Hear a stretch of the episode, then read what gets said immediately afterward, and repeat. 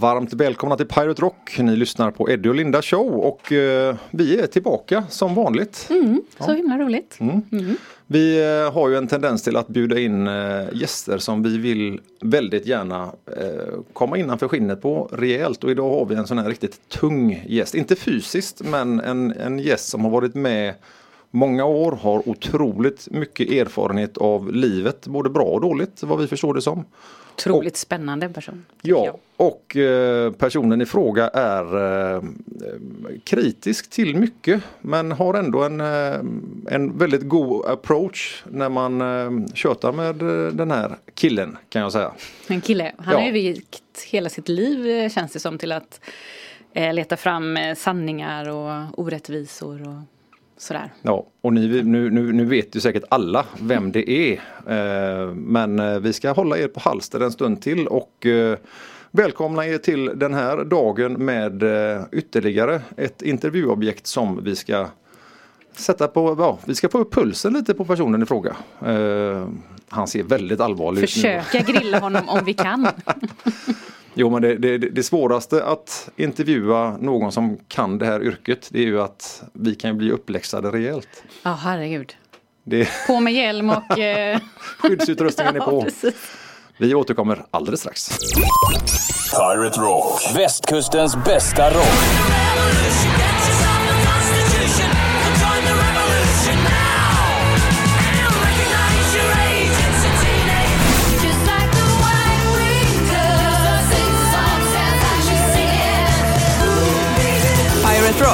Absolut den bästa musiken. Lyssnar alltid på i bilen.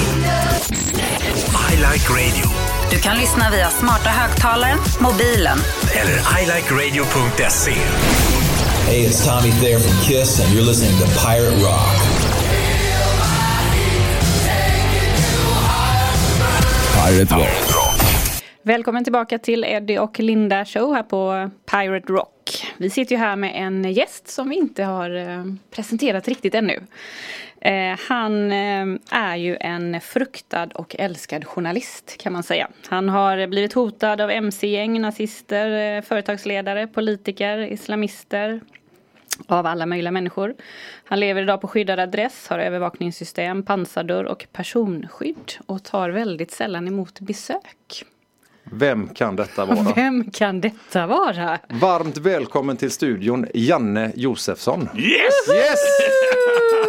Äntligen får vi släppa det. Ja, Ja, vad kul. herregud Ja. vad spännande. Hur är läget med dig? Jo men det är väl eh, jättebra på något sätt. Jag eh, har lite svårt för den här årstiden. Kommer är det vi vara två. några veckor fram till jul så känns det lite godare. Men eh, det här mörkret, alltså eh, både när man lägger sig och när man vaknar så är det mörkt. va. Och, eh, men annars, eh, jag, jag har ju slutat med Uppdrag granskning och sånt där. Och, ehm, men eh, jag kan inte lägga av helt utan jag eh, försöker och Jag gör ju podd och jag får olika förfrågningar och vara med. Nu är det ju, har jag ändå lite lätt att säga nej, alltså när de frågar eh, Fångarna på fortet eller över Atlanten. Då säger man, ja, herregud, jag har ormskräck, jag har höjdskräck, jag har... eh, Så, så de grejerna säger jag nej till. Men blir jag skulle inte aldrig våga åka till Atlanten. Men jag kan titta på programmet och tycker att det, det, det är en jäkla tur att jag inte sa ja. Men blir du inte lite sugen? Vissa grejer. Jag har fått en förfrågan nu med ihop med ungefär personer i min ålder och som jag känner lite grann. Och det, den, den lät rätt rolig. Jag vet inte om den blir av. Och jag menar, jag har ju sagt, till, eh, sagt ja till galna grejer som allt ifrån eh, Alla mot alla och eh, Let's Dance och sånt där. Men jag hade kul så in i helsike. Och det är ju det viktigaste. Ja, det Sen gör jag bort mig och kan ingenting. Eh, Men eh, Cecilia Frode är ju fan som är sämre än till och med vad jag är. Liksom. Men vi är populära. Ja, det viktigaste är att Ja, man har det viktigaste. roligt tycker jag. Ja, ha roligt ja. Men Ja. jag känner också så, Fångarna på fortet. Uh. Ja, nej. Fångarna på fortet, nej men Ja. herregud, att kliva in där Ja. med spindlar och så har man höjdskräck och ormskräck och sånt där. Jag hade aldrig klarat det. Är det, är det fobier? Spindlar och det, ormar? ja, det är det väl antagligen. Alltså det, jag har ju funderat lite grann nu när man allting inte bara rullar och man är på jobbet och hela tiden nya projekt och sånt där. Vad är det som har drivit mig? Vad, vad är jag rädd för och vad är jag inte rädd för? Vissa grejer i jobbet skulle alla, eller men väldigt många, vara väldigt, väldigt skraja. När jag har framför mig människor med kanske pistoler och ha, hotar mig och det har varit utomlands och även här. Jag är aldrig rädd då. Utan hanterar det och är helt övertygad om att jag kan snacka mig ur det, vilket jag har gjort hela mitt liv. Eh, sen har det ju trissats upp hoten och sånt där. Men jag kan vara jäkligt rädd för, liksom, eh, jag ska gå in och kolla, ja nu har det hänt någonting, det brinner i Göteborg, herregud, tänk om det är någon av mina söner eller eh, någon trafikolycka och så här. Jag är jätterädd för att gå till läkaren, jag är helt övertygad om att eh, Kommer jag in så kommer jag aldrig ut alltså. Och, eh, Jaha, när du går till läkaren? Ja, liksom att eh, jag är hypokondriker kan man säga. Va? Det vill säga, jag har, jag har ju högt blodtryck och för att få tabletter så måste jag egentligen komma. Men jag fick väl så här 11 eller 20 påminnelser på Sahlgrenska att eh, du måste komma till läkare annars skriver vi inte ut någonting. Och, men jag har ju den här övertygelsen, kommer jag in där en gång till så kommer jag aldrig ut. Den känslan. Va? Nu var jag senast eh, på en vårdcentral då, eh, för jag var tvungen, för annars fick jag inte de här blodtrycksmedicinerna. Och så säger och så tar de massa olika prover och åh, jag mår så jäkla dåligt. Och sen efter en vecka skulle jag komma och träffa läkaren som jag har träffat tidigare. Eh, jättegod tjej. Så säger hon så här. Du har bättre värden än någonsin. Du har gått ner i vikt. Du har eh, eh, mindre farligt blodtryck och det har också gått ner och sånt där. Sen när jag kliver ur hennes rum så skriker jag lycka bara så här i hela vårdcentralen. Ja. Så tror jag att det är ju galning. Han måste ju ta sig in på psyket. Det är fascinerande att höra att du är rädd för det här.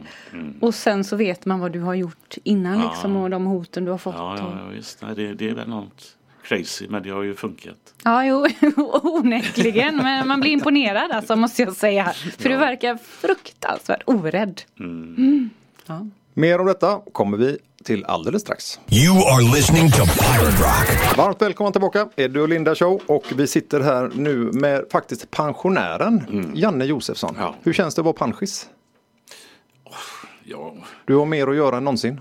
Nej, det kan jag inte säga att jag har mer att göra än någonsin, men jag har ju inte lagt av helt och hållet. Jag har nog svårt för att göra det bara. Liksom, jag är för engagerad och eh, om det försvinner då är jag väl pensionär. Så att jag, jag, skulle, jag gillar pensionärer men jag vill inte vara en av dem. Förstår du? Ja, jag absolut. vill- då tänker man, jaha, är du så gammal? Är du pensionär? Och, och då är liksom då, och jag, när jag ser de här med gå med rullatorer och så, jag ser mig själv komma gående med rullator och så här. Det, det är ingen höjdare, tycker inte jag. Nej. Men det måste vara härligt att kunna välja och bara göra det man tycker är kul. Ja, så länge man kan det. Så länge man liksom kan vakna och känna att eh, jag har lust och jag har känsla för det och jag vill göra någonting. Och så är det, det, det absolut. Men Janne, du är ju uppväxt i Biskopsgården. Eh, hur, hur ser du på Biskopsgården idag jämfört med när du växte upp? Det är en jäkla skillnad naturligtvis. Eh, Det var en tid av folkhemmets, inte kanske begynnelse, men det var ju, man levererade så att eh, man märkte ju att eh, vi fick det bättre på något sätt. Va? Och det var väldigt homogent. De flesta eh, papporna jobbade, mammorna var ofta hemma. Eh, papporna jobbade ofta på, min pappa jobbade, jobbade på Volvo, det var hamnarbetare, varvsarbetare. Man delade sina villkor, vi som bodde där ute. Det gör man väl nu också i någon bemärkelse men det är ju mycket, mycket tuffare, mycket svårare. Och man såg att man fick det bättre. Farsan kunde ta körkort, ta bil, vi kunde hyra en sommarstuga. Min mamma började jobba, hon var städerska, hon blev eh, en av Sveriges första brevbärare, eh, kvinnliga brevbärare och sånt där. Och eh, jag kunde så småningom gå på universitet, vilket nästan var helt otänkbart från arbetarklass liksom. Och eh, det gjorde ju att eh, det funkade bättre. Det fanns väl problem då också. Jag var ju granne med Clark Olofsson till exempel där. Och, eh, så det fanns ju kriminalitet men inte alls av den sorten. Men det fanns en hel del missbruk eh, när jag var ung med eh, tinner, alltså man, eh, man eh, Sniffade. Sniffade heter det ja. Ehm, och eh, haschet kom, eh, mellanölet kom och sånt där. Och jag jobbade ju sen på Lillhagens mentalsjukhus, började där som 18-åring. Då fick jag ju in några gamla kompisar som hade börjat missbruka. Det var inte så många. Men jag har efteråt tänkt på att de, de som det gick snett för, om man säger så, det var nästan ensamstående mammor de levde med. Papporna fanns inte. Och, eh, men idag i Biskopsgården med skjutningarna och vissa områden i Biskopsgården så är det ju nattsvart tycker jag, tyvärr. Och, eh, det, jag vet faktiskt inte hur man ska få rätsida på det. Jag har varnat för det. Jag gjorde väldigt tidigt eh, i tv en varningsfilm kan man väl säga som heter På rätt sida älven. Där jag i Femmans spårvagn där jag jämförde Örgryte och Biskopsgården. Det var ju motsatserna. Liksom, eller, eh, det var ju helt annorlunda. Alla som har åkt femman vet ju att eh, i Brunnsparken så byter man klientel och sådär. Och när jag gör det så märkte jag ju redan eh, förändringar. Det här är slutet på 80-talet. Hur eh, killarna hade problem med skolorna. Eh, framförallt killarna och eh, att det började bli förslumning. Och, eh, men det här har man ju förnekat väldigt mycket. Jag gjorde också en uppföljning. och kunde man se jag märkte ju redan då 80-talet att ställde jag frågan på bägge sidor, så här, vad ska du bli när du blir stor? I Örgryte, ja men jag ska bli direktör, eh, inte, jag inte bara för 200 pers utan eh, multinationell och sånt där. Och man såg upp till Gyllenhammar och sånt där. I Biskopsgården hade man också drömmar men i samma andetag, i samma mening så åt man upp den drömmen. Jag skulle vilja bli pilot säger en kille. Papp, eller familjen kom från Portugal tror jag det var, eller något sånt där, eller Turkiet. Men det kommer jag aldrig bli. Och det blev han inte heller. När jag följde upp honom så jobbade han på Stena Line på eh, restaurangen där och sånt där. Och den största skillnaden när jag 20 år efteråt gjorde eh, vad hade hänt så hade de ju blivit i Örgryte med jättefina jobb, höga befattningar, tjänade mycket medan i, i, i eh, Biskopsgården så blev de arbetarklass. Och, sådär. och den största skillnaden var att tjejerna när de eh, fick barn Varenda tjej eh, fick det innan de var 20 år i Biskopsgården medan, medan den yngsta i Örgryte var 34. Bara det Ja. var skillnaden. Sen nu på senare år så har det blivit eh, alltså de här skjutningarna, de här kriminella gängen som eh, sätter skräck för många som bor där. Och jag har varit och hälsat på. Och eh, jag vet faktiskt inte hur det ska gå till, om det är bara hårdare tag och polisen kommer in som eh, kommandoräder och sånt där. Eh, om det löser, för det skapar också konflikter och att de blir ännu mer eh, förbannade och kriminella kanske, jag vet inte. Så att det är en häxbrygd man har skapat, tyvärr. Det är en jävla hemsk eh, samhällsutveckling. Svårlöst kan Ja, man säga. svårlöst framförallt. Ja. Eh, när vi kommer tillbaka så ska vi höra hur Janne var som barn Ja. i Biskopsgården. Alldeles strax tillbaka. Det här är Pirate Rock. 95,4 och 90,7. Västkustens bästa rock. Varmt välkomna tillbaka, Eddie och Linda Show och vi sitter här nu med faktiskt pensionären Janne Josefsson. Ja. Hur känns det att vara panschis? Ja. Du har mer att göra än någonsin. Nej, det kan jag inte säga att jag har mer att göra än någonsin. Men jag har ju inte lagt av helt och hållet. Jag har nog svårt för att göra det. Bara, liksom, jag är för engagerad och eh, om det försvinner då är jag väl pensionär. Så att jag, jag, skulle, jag gillar pensionärer men jag vill inte vara en av dem. Förstår du? Alltså, Ja, jag absolut. vill- då tänker man, jaha, är du så gammal? Är du pensionär? Och, och då är liksom då, och jag, när jag ser de här med gå med rullatorer och så, jag ser mig själv komma gående med rullator och så här. Det, det är ingen höjdare, tycker inte jag. Nej, Men det måste vara härligt att kunna välja och bara göra det man tycker är kul. Ja, så länge man kan det. Så länge man liksom kan vakna och känna att eh, jag har lust och jag har känsla för det och jag vill göra någonting. Och så är det, det, det absolut. Men Janne, du är ju uppväxt i Biskopsgården. Eh, hur, hur ser du på Biskopsgården idag jämfört med när du växte upp? Det är en jäkla skillnad naturligtvis. Eh, Det var en tid av folkhemmets, inte kanske begynnelse, men det var ju, man levererade så att eh, man märkte ju att eh, vi fick det bättre på något sätt. Va? Och det var väldigt homogent. De flesta eh, papporna jobbade, mammorna var ofta hemma. Eh, papporna jobbade ofta på, min pappa jobbade, jobbade på Volvo, det var hamnarbetare, varvsarbetare. Man delade sina villkor, vi som bodde där ute.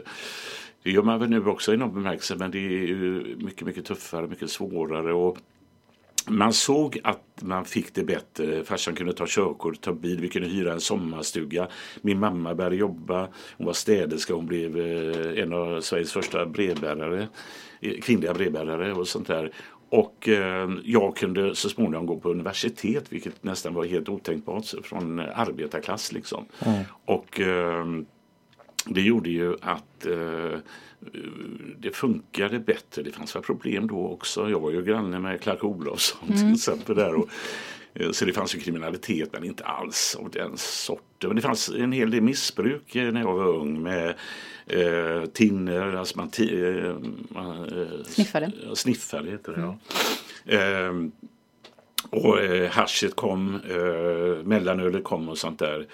Och jag jobbade ju sen på Lillhagens mentalsjukhus, började där som 18-åring. Då fick jag ju in några gamla kompisar som hade börjat missbruka. Det var inte så mm. många. Men jag har efteråt tänkt på att de, de som det gick snett för, om man säger så, det var nästan ensamstående mammor de levde med. Papporna fanns inte. Mm.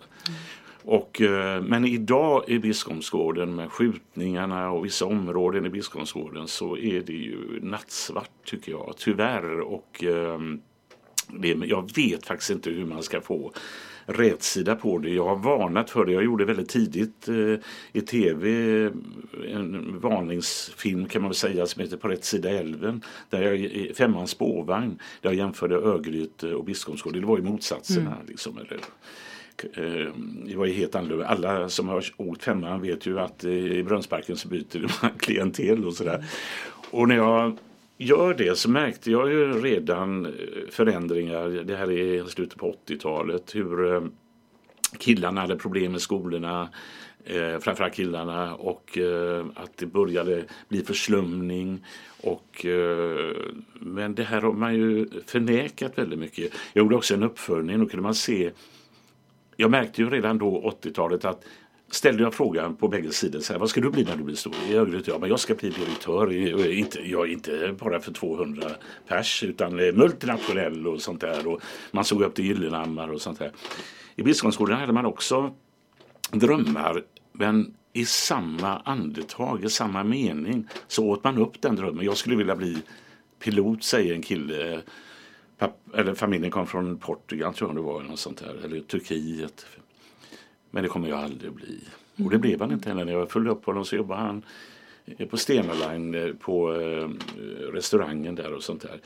Och den största skillnaden när jag 20 år efteråt gjorde eh, vad hade hänt så hade de ju blivit i Örgryte med jättefina jobb, mm. höga befattningar, tjänade mycket medan i, i, i eh, Biskopsgården så blev de arbetarklass. Och, mm. sådär. och den största skillnaden var att tjejerna när de eh, fick barn Varenda tjej eh, fick det innan de var 20 år i Biskopsgården medan, medan den yngsta i Örgryte var 34. Bara det ja. var skillnaden. Sen nu på senare år så har det blivit eh, alltså de här skjutningarna, de här kriminella gängen som eh, sätter skräck för många som bor där. Och jag har varit och hälsat på. Och eh, jag vet faktiskt inte hur det ska gå till om det är bara hårdare tag och polisen kommer in som eh, kommandoräder och sånt där. Eh, om det löser, för det skapar också konflikter och att de blir ännu mer förbannade och kriminella kanske, jag vet inte. Så att det är en häxbrygd man har skapat tyvärr. Det är en jävla hemsk eh, samhällsutveckling. Svårlöst ja, kan man säga. Svårlöst framförallt ja. Eh, när vi kommer tillbaka så ska vi höra hur Janne var som barn ja. i Biskopsgården. Pirate Rock. The home of rock music. Jajamän, Eddie och Linda show här och eh, vi har Janne Josefsson i studion. Vi eh, vill veta Janne, mm. din uppväxt alltså som mm. barn, vad, hur fasen var den? Den var bra tycker jag. Eh, jag har ju eh, två bröder som eh, den ena fick jag ju inte, eller han ringde mig för kanske 10-15 år sedan och jag hade ingen aning om att han fanns. Och min andra broder bodde ju inte hemma, var fosterhemsplacerad och så. Men jag och min syster hade väldigt, väldigt bra tycker jag. Eh, och det var väl tack vare att mamma träffade min pappa som var väldigt han var från början eh, en kort tid, eh, han kom från Halmstad och så var han eh, eh, kock på eh, Amerikalinjen, Gripsholm. Men så började han på Volvo. Han var väldigt, eh, jag ska inte säga osocial, men han var väldigt förnöjsam. Och, eh, mamma var ju mera ivrig och hon hade ju inte haft liksom något riktigt hem innan. Så att hon skapade ju i tre eh, eh, trerumslägenheten på Kjolgatan där så hade hon massa, alltså hon ville ha det som ett, eh, vad ska man säga, allting ska stå perfekt där, dukarna och, eh, och när julen var julgranen där och eh, bland det roligaste, var, det var ju en rolig grej, det var ju liksom att eh, då hade hon till och med köpt sån här snöspray va? och så lyssnade man på något radioprogram dagen före julafton och så klädde man granen och hon hade fått beställt också en ny soffa, visserligen i fel färg men det var ju bara ett par dagar före jul så vi fick behålla den färgen. Och så sprutade hon snö och det var så vackert när vi gick och la oss. När vi vaknade på morgonen så fanns det inte ett barr kvar, det var hela granen. Nej. Jo men det dog ju liksom. Så farsan och jag fick gå ner till Vårbergstorget och sno en gran på, på själva julafton. Och sånt där. Jag hade, tycker jag, en väldigt bra eh, uppväxt. Det kan jag inte säga annat än eh, så var det. Men vem, vem var du vid skolan då? Alltså om man ser det till... eh, Jag var eh, första åren eh, eh, väldigt skötsam, väldigt bra. Eh, om det nu var eh, höga betyg och sånt där. Jag, eh, det var, men sen ringde ju rektorn och sa jag vet inte vad som har hänt Janne och sådär till mamma och jag fick hemmamärkningar. Jag ballade ut fullständigt ihop med några andra, två tjejer och en kille på när jag gick i sjunde klass tror jag i Ryaskolan. Och till och med eh, var nära att bli religerad som det heter, att bli utslängd från skolan och sånt. Men för att jag var, jag kände att mamma ville, fasen du måste skärpa dig och sådär. Så gjorde jag det. Och så började jag plugga och fick rätt bra betyg och började så småningom Ja, jag kom ju så småningom in till och med på Journalisthögskolan och sånt där. va. Men eh, frågar du hur mina betyg var? var, var Nej, alltså vem, vad var du för en filur i skolan? Alltså, var för du... nej, men jag, var, jag, jag var nog väldigt mycket också eh, det har jag förstått, eh, en rätt glad typ som drog historier och skrönor och allt möjligt och sånt där. Och sen eh, Eh, men som, jag, jag var ju med och busade också, så det, det måste jag säga.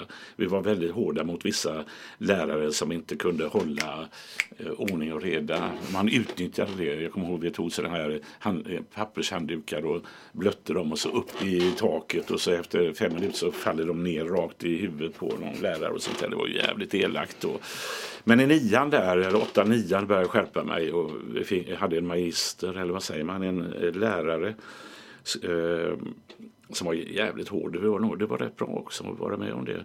Men jag hade en bra uppväxt. Jag var eh, eh, ja, roliga timmen så stod jag och drog historier och allt möjligt sånt där. Så var det. Så att, eh, jag var nog, jag vet inte vad folk skulle säga. Men, eh, jag har ju sagt så här att jag ville bli journalist när jag var 18 år. Jag hade ju utbildat mig till reklamman som man sa eh, på den tiden, marknadsekonom och sånt där.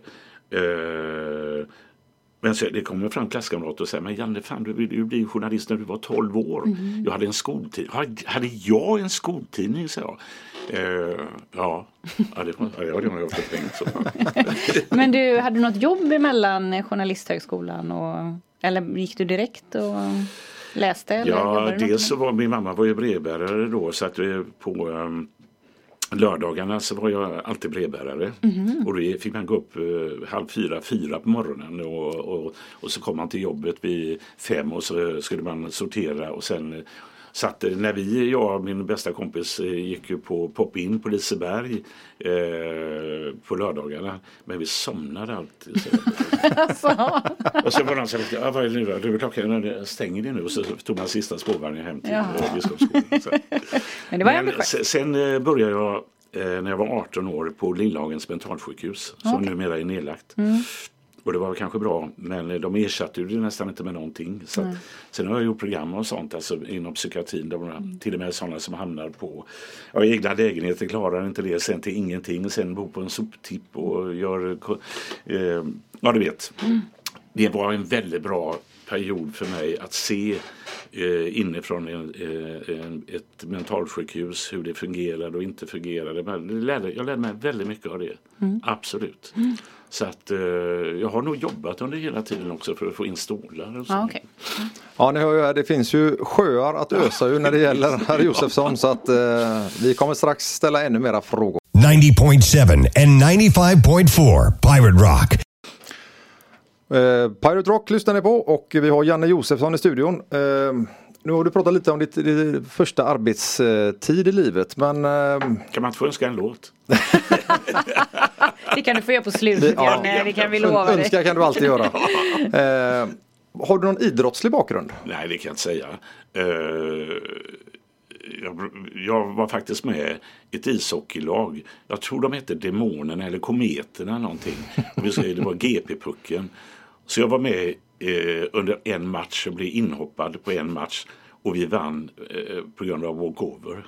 Det är enda idrottsengagemang jag har haft. Jo men du drog dig tillbaka som vinnare helt enkelt. Ja, ja, ja, just det. Sen eh, jag spelade tennis i ett tidigt skede eh, med kompisar och sånt där. Men på grund av jobbet sen som journalist, men aldrig riktigt, eh, vad ska jag hem nu, ska jag åka utomlands, ska jag dit eller så, så jag har aldrig kunnat ha den typen av att jag varje onsdag kväll spelar tennis eller någonting. Så allt det där har ju, eh, försvann ju. Men om man ska se det till, du måste ju haft en, du har ju en drivkraft Mm. som inte många människor har. Men vem har, vem har du blivit inspirerad av att Ja, eh, det var ju en del, vad hette han som eh, eh, från, från eh, Tyskland. Eh, han som gjorde också dolda inspelningar. Vad fan, jag glömt av. Alltså, jag, jag har träffat honom och sånt där. Nej, men alltså, jag blir inspirerad av framförallt min generation av journalister då är ju efter Watergate-avslöjandet i USA som ledde till att Nixon fick gå. Han fick lämna presidentskapet. Och det var ju Bernstein Woodward. Och det gjordes en film som heter Alla presidenters män eller något sånt där. Alltså de var, de för mig formulerade just det här med eh, investigative journalism, alltså undersökande, granskande journalistik. Så vi hade, jag hade, när jag gick ut Journalisthögskolan 75 då, så hade jag det som, eh, jag skulle vilja bli sån. Sen, eh, och jag började ju med samhällsjournalistik eh, i Stockholm och sånt där och var mycket utomlands både i Sovjet och USA och Latinamerika och sånt där. Sen flyttade vi tillbaka och började på lokalradion och där var ju Lasse Brandeby och jag jobbade ihop och det var ju inte så mycket undersökande grävande journalistik utan det var ju mera nu ska det hända vad som helst. Vi ska kunna ringa vem som helst i hela världen och ringa upp Pinochet och spela Victor Jara i örat på honom eller något sånt där. Vem kom på det undrar jag? Eller hur men Lasse och jag var väldigt olika. Han var ju... Han, det kommer ut en bok snart om uh, Kurt Olsson och Lasse, om Lasse Brandeby. Jag var ju också på begravningen i Masthugskyrkan och sånt där. Nej, men han, var, han, han kom som praktikant 81 tror jag. Vi började bägge två på lokalradion där. Då hade jag eh, slutat i Stockholm och sånt där. Vilket många tyckte var konstigt eftersom jag hade fast jobb där och kunde resa utomlands. Här. Men jag gillar, jag, jag gillar eh, även det lokala. Lasse var otroligt snäll, omsorgsfull, allt det här och jävligt rolig. Alltså outstanding. Han var inte världens bästa journalist.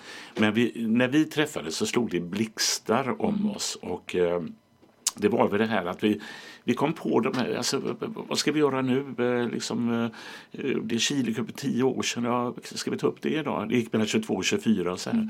Ja, men eh, hur ska vi göra det? Och så, vi, försöker, vi försöker ringa, det ligger ju bra till det eftersom det sändes hela kvällar och sådär. Och Vi kommer fram till någon som i slutändan eh, säger Pinochet och då, då tror jag det är slut och, han, och så lägger han på luren och så spelar vi Victor Jara. Och, men det var, det var ju liksom en annan oförglömlig sändning i Elfte timmen hette programmet.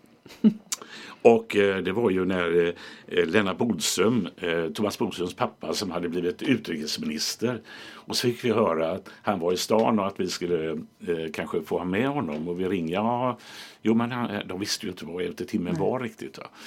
Så han kom och, eh, och så hade han tre adjutanter med sig, pressekreterare, statssekreterare och så någon tredje. De, Mm. de blev så småningom, de försökte ju strypa eh, ljudteknikerna eh, så småningom, det kunde vi se på en sån där ruta. Va? Och det, jag frågade honom så här, kommer jag ihåg, Lennart Bodström då. Eh, vem gillar du bäst, Reagan eller Brezhnev? Ja, han mumlade, ja, jag vet inte vad. Ja, men du, du har väl någon favorit? Så här. Ja, det är möjligt. Så, så. Men ska vi försöka ringa Reagan? Ja, det kan ni göra. Så, så. Och vi börjar ringa va? och kommer fram så småningom till eh, eh, Reagans närmaste pressekreterare i USA va? och säger vi den svenska utrikesministern som är, jaha, då tyckte de ju att det här är Ja, intressant. okej. Och då ser man ju de här eh, adjutanterna.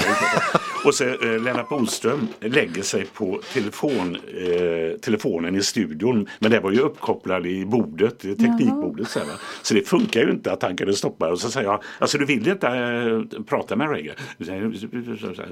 Ja, men då säger tyvärr får vi säga, vi får ta det någon annan gång. Ursäkta oss, men vi får ta det någon annan gång. Så här. Och sen eh, efter det då, och vi hade en sån här eh, eh tema då varje, efter timmen. Tema den här kvällen var min sämsta affär. Och det blev hans sämsta affär, Lennart Bodström. För att jag frågade honom, vi hade fått två timmar innan sändningen, ett tips om att han hade dubbla löner som statsråd. Som utrikesminister hade han en lön och så hade han en lön från TCO. Så han var ordförande för TCO, fackföreningen tidigare. Så här. Och så frågade jag då så här, ehm, hur är det med eh, vi har fått uppgifter här att du eh, har dubbla löner. Ja, det är oerhört intressant. Sen. Ja, stämmer det eller stämmer det inte? Det kan vi säga kanske är möjligt. Men ja, så här, va. Och där, där är inte Lasse i, sitt... Då blir han lite skraj. Va? Jaha, Men det är ju andra förtjänster, massor av tjänster. Och vi, vi, ihop, eftersom vi var så olika, så blir det jävligt bra. Och så säger jag, men ehm, eh, hur kan du som sitter i en arbetarregering ta emot dubbla löner? Ja, men det är ju inte därför jag har kommit hit nu. Nej, nej, nej. Och så reser han sig och går. Okej. Och där säger jag, säger, men då säger vi adjö till utrikesministern. Och så la vi på telefon, vi hade ingen sluss heller. Va? Och så är det någon som ringer eftersom temat var eh, min sämsta affär så ringer någon här från Kortedala eller någonting. Ja, Ove Jönsson är i Kortedala. Ja, hörde du det här med utrikesministern? Var du utrikesminister? Ja, det var det. Säger jag då så här. Ja. Nej, men det är ju mera det här med den sämsta affären. Jag köpte en begagnad, begagnad bil. Vet du, det här det funkar ju inte. Så där. Och då tänker jag så här. Där ringer man till Reagans. Här är ett utrikesminister som går i direktsändning. Och så ringer han och pratar om en begagnad bil. Alltså vi älskade sånt. Ja, jag alltså, va? Fattar det. Och radio är så underbart.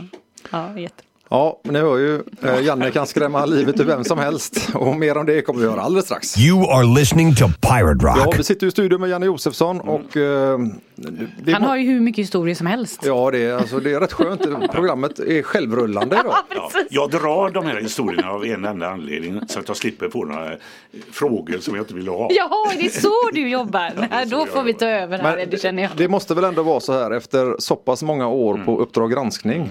Eh, alltså, kan du gå in på en däckverkstad och byta däck utan att de blir livrädda? Eller hur, hur? Det måste ju följa med det Ja, nu är jag på samma eh, ställe och byter varje år. Så att, eh, och, och, eh, då går det bra. Men jag, jag var ju med om, jag har varit med om så jävla mycket eh, som både varit eh, ja, just det här med hoten och grejer men också det här att komma in i en affär eller eh, på restaurang och så springer både ägaren och personalen ut genom köksfönstret. ut. Eller, eller när jag skulle rekonditionera bilen. Eh, stod det rekonditionering eh, 1295 eller någonting. Ja, då hade jag en eh, rätt sliten Audi så att ja, men det låter väl bra. Sådär. Så jag går in och där står en kvinna och pratar med ägaren så där, och hon får sin bil rekonditionerad och allting så här. Så jag ska också ha min bil rekonditionerad. Vi har inga rekonditioneringar. Har ni inga rekonditioneringar? Det står ju eh, rekonditionerad 1295. Så såg man någon 4-5 kosovoalbaner dra åt helvete. Liksom, eh, som sprang iväg och sådär. Va? Och så jag, nej men, eh, nej men snälla jag skiter vad du håller på Man kan inte bara få bilen rekonditionerad. nu. Så här. Då går han ut, tar med sig en stege och ställer sig där uppe och tar ner hela skylten. Nej, du skojar! Snälla! Och det var, sen var den eh, bensinstationen nedsläckt i två veckor så öppnade de igen.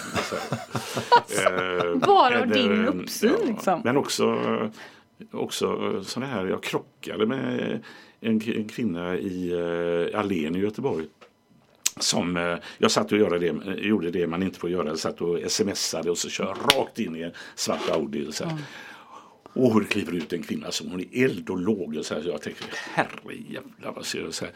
Och så ja, jag får kliva ut i alla fall. Janne Josefsson, jag har sökt kontakt med dig i flera veckor. säger hon så här. Underbart. Om nu fick du väl kontakt så det räcker, så jag så här. Men, men med bilen, skit i det, säger hon. Det är en hyrbil. Så. Nej, så hon det? Nej. Jo. Så det, det, det har inte bara varit nackdelar Nej, att vara nej. krävande journalist. Nej, nej. Nej men du har ju någon underbar historia där du kliver in på eh, hos en dam va? Ja, den ja. Ja, men det är ju så här. Jag var ju programledare för Debatt i, i två eller tre, fyra säsonger till och med. Eh, eh, och eh, det var ju direktsändning då, eh, en timme knappt. Eh, och, och jag älskar ju det också. Och eh, vid något tillfälle så eh, får, det, är, det är någon man som ringer mig från eh, Slätta damm, eh, vad heter den gatan? Hällskrivsgatan, det var ju där vi bodde de första 5-6 åren. Arvid Lindmansgatan. Och så berättar han för mig att eh, det har blivit en jävla krock här mellan eh, Fyrklövsgatan där det bor väldigt mycket eh, invandrare, migranter, mycket sådana killar. Och våra, och svennarna bodde liksom på andra sidan Björlandavägen då. Och alla ungdomar, säger den här mannen nu som är mellan 18, 20, 22 år. De började rösta på Sverigedemokraterna. Kom ut och gör någonting. Och det gjorde inte jag. Så jag tänkte efter något år eller ett halvår så tänkte jag, och jag är jävla slarvig med papper och, eh, och telefonnummer och sånt här.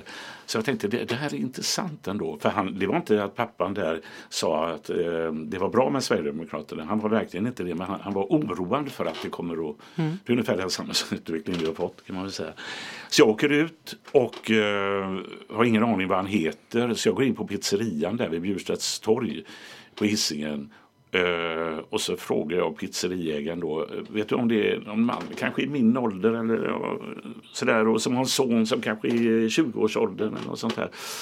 "Ah, Jag vet inte, hur ser han ut? Nej, jag vet inte hur han ser ut, så jag. Men, eh, men ring på där borta på eh, 3C, där, där bor det en sån. Det kan vara han, säger.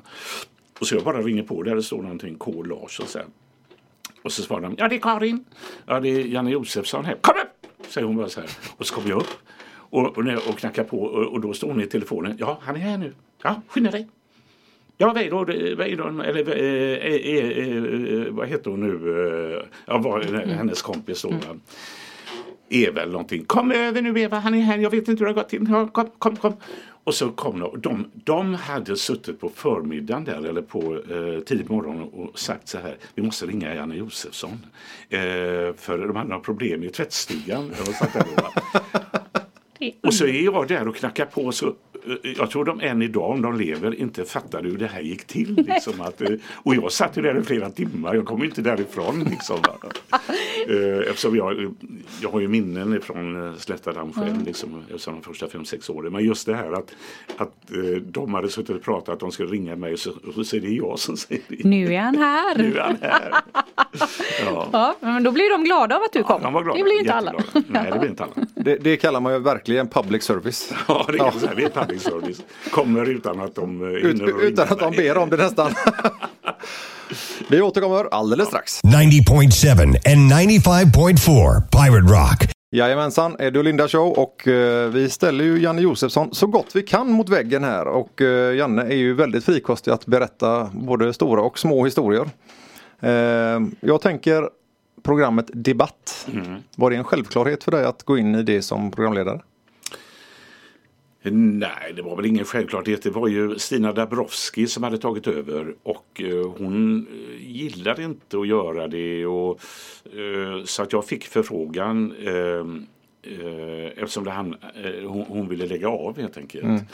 Och eh, då jobbade jag ju på Uppdrag granskning och det var det naturliga.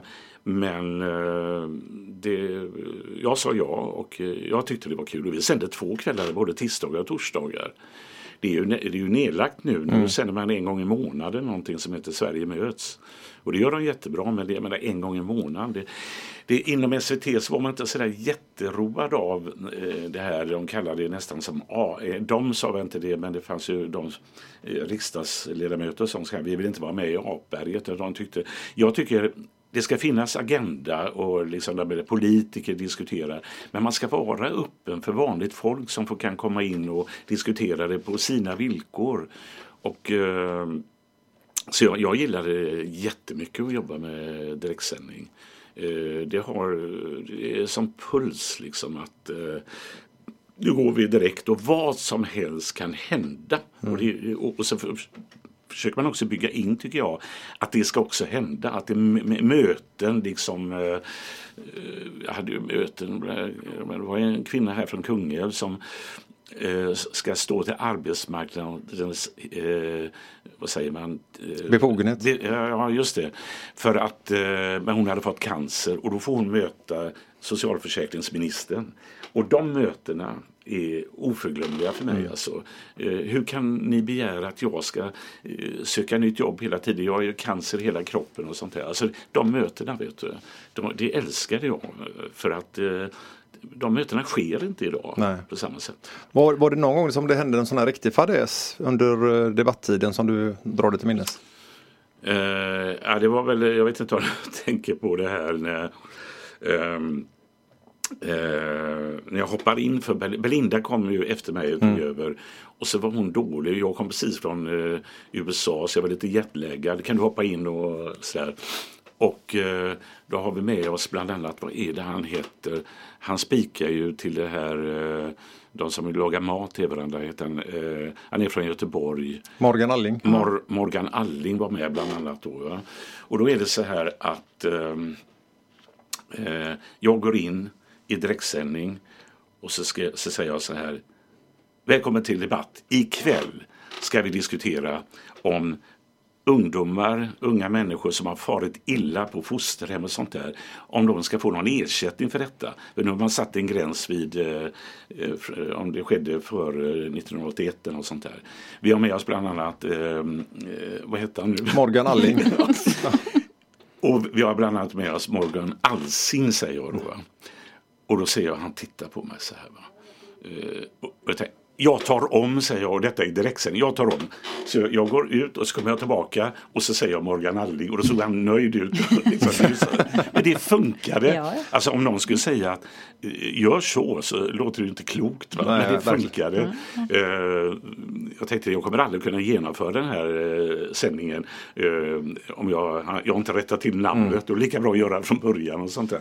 Om det är det du tänker på? Eller något Nej, jag tänkte mer för att du har ju varit med om så många olika ja. ämnen som har eh, tagits där och eh, det måste finnas några sådana som är rent absurda som du tycker att varför diskuterar vi detta?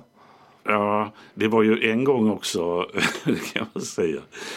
Det var ju också jävligt kul. Det var ju så här typiskt sådana grejer som eh, jag tyckte att man också kunde diskutera. Det var när eh, eh prinsessan eh, och Daniel skulle, Victoria och Daniel skulle gifta sig. Och ska hon kunna gifta sig med en vanlig kille från landet? Så här, va? Vad tycker ni? Och så hade vi med oss folk och sånt där. Och vi hade ju bjudit in dem men de ville inte vara med själva naturligtvis. Så vi hade dem på så här pappersfigurer i, i normal eh, verklig storlek och sånt där. Och så eh, diskuterade man fram och tillbaka så här. En del tyckte att det var okej, andra tyckte att det får absolut inte ske. Bland annat var det en SR Järrel som var moderat riksdagsledamot. Eh, och då så säger han vid något tillfälle så här. Nej, hon ska inte kunna gifta sig med någon sån här person utan det ska vara folk med blått blod, säger han då.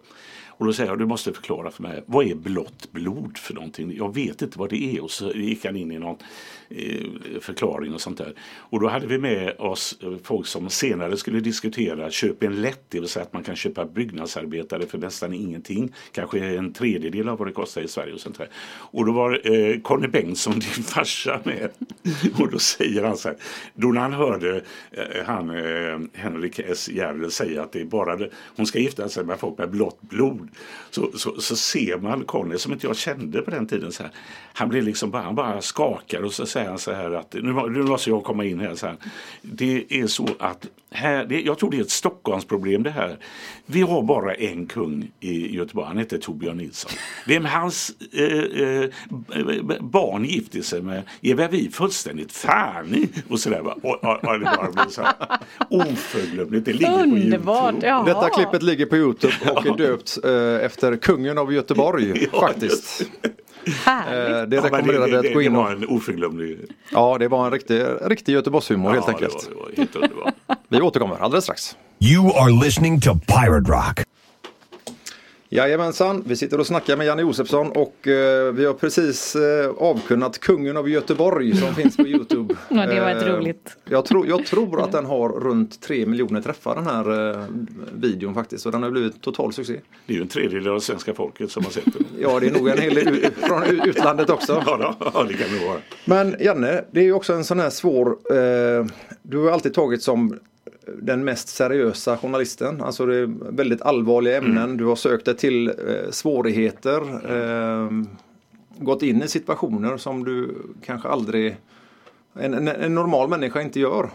Och eh, du har ju blivit utsatt för en hel del eh, ja, hot, eh, påhälsningar och annat. Nu med facit i hand när du sitter där, var det värt det? Ja, ehm, jag tycker det utifrån min utgångspunkt. Men jag kan ju nu i efterhand också naturligtvis fundera på eh, vad jag utsatt mina familjer för och mina barn för och sånt där. För de har ju, eh, det har ju varit väldigt, det har ju trappats upp också. Va? Eh, Leon var ju inte så gammal. När, då hade jag ju vakter och vi åkte, det var två stycken vakter som eh, de skulle till och med eh, eh, över natten också och jag sa jag bor i en eh, mindre lägenhet. Jag kan inte ha två gubbar här hela dygnet och sådär. Och det är ju kameror inne i, i lägenheten också. Sattes ju upp i slutet eller för några år sedan eftersom det trissades upp eh, hoten och sånt här. Eh, och när jag har haft vakter och jag har ju eh, min minste son som inte var så gammal då han tyckte väl mest att det var spännande och kul och sånt där. Men tänk, det, den absolut största mardrömmen har ju varit att eh, hans mamma, vi hade ju skilt oss, att om, eftersom jag lever på skyddad adress så tänkte jag, tänk om det händer någonting den veckan gör inte jag honom utan det sker eh, där vi bodde tidigare eh, och de tror att jag bor kvar där och att det sprängs eller någonting. Det är ju mardrömmar. Och, eh, för, bland de första riktigt allvarliga hoten eh, kom ju rätt tidigt, även när jag jobbade på lokalradion på 80-talet. Men eh, 1990 är väl det, det är ju när jag gör Hells Angels intåg i Sverige. När jag, då hade jag ju framför mig med rånarluva och vapen eh, Thomas Möller som blev president. Då. Han är ju, har ju lämnat H i God Standard som det heter. Eh, då var det ju allvarliga hot och sånt där. Och, det, eh, min dåvarande fru hon gick ju med på att vi bara vi liksom larmade hela kåken. Vi bodde i en villa då. Så gick hon med på det. Men alltså tänk, det var ju inte helt ofarligt. Alltså. Vare sig att eh, eh, vara där i Skåne där de var och ha, eh, ha dem framför sig. Men eh, att utsätta min familj för detta och, och det har ju eskalerat eh, med åren. Liksom. Det är klart att det, det är ju svårt att gå med på att man täpper till truten på en bara för att man får hot. Men det är, det, det, det är en- ett av de läbbigaste. Det är kanske inte det, det, det har ju varit allt ifrån IS, nazister, vänsterextrema, det har varit huliganer. De var inte att leka med.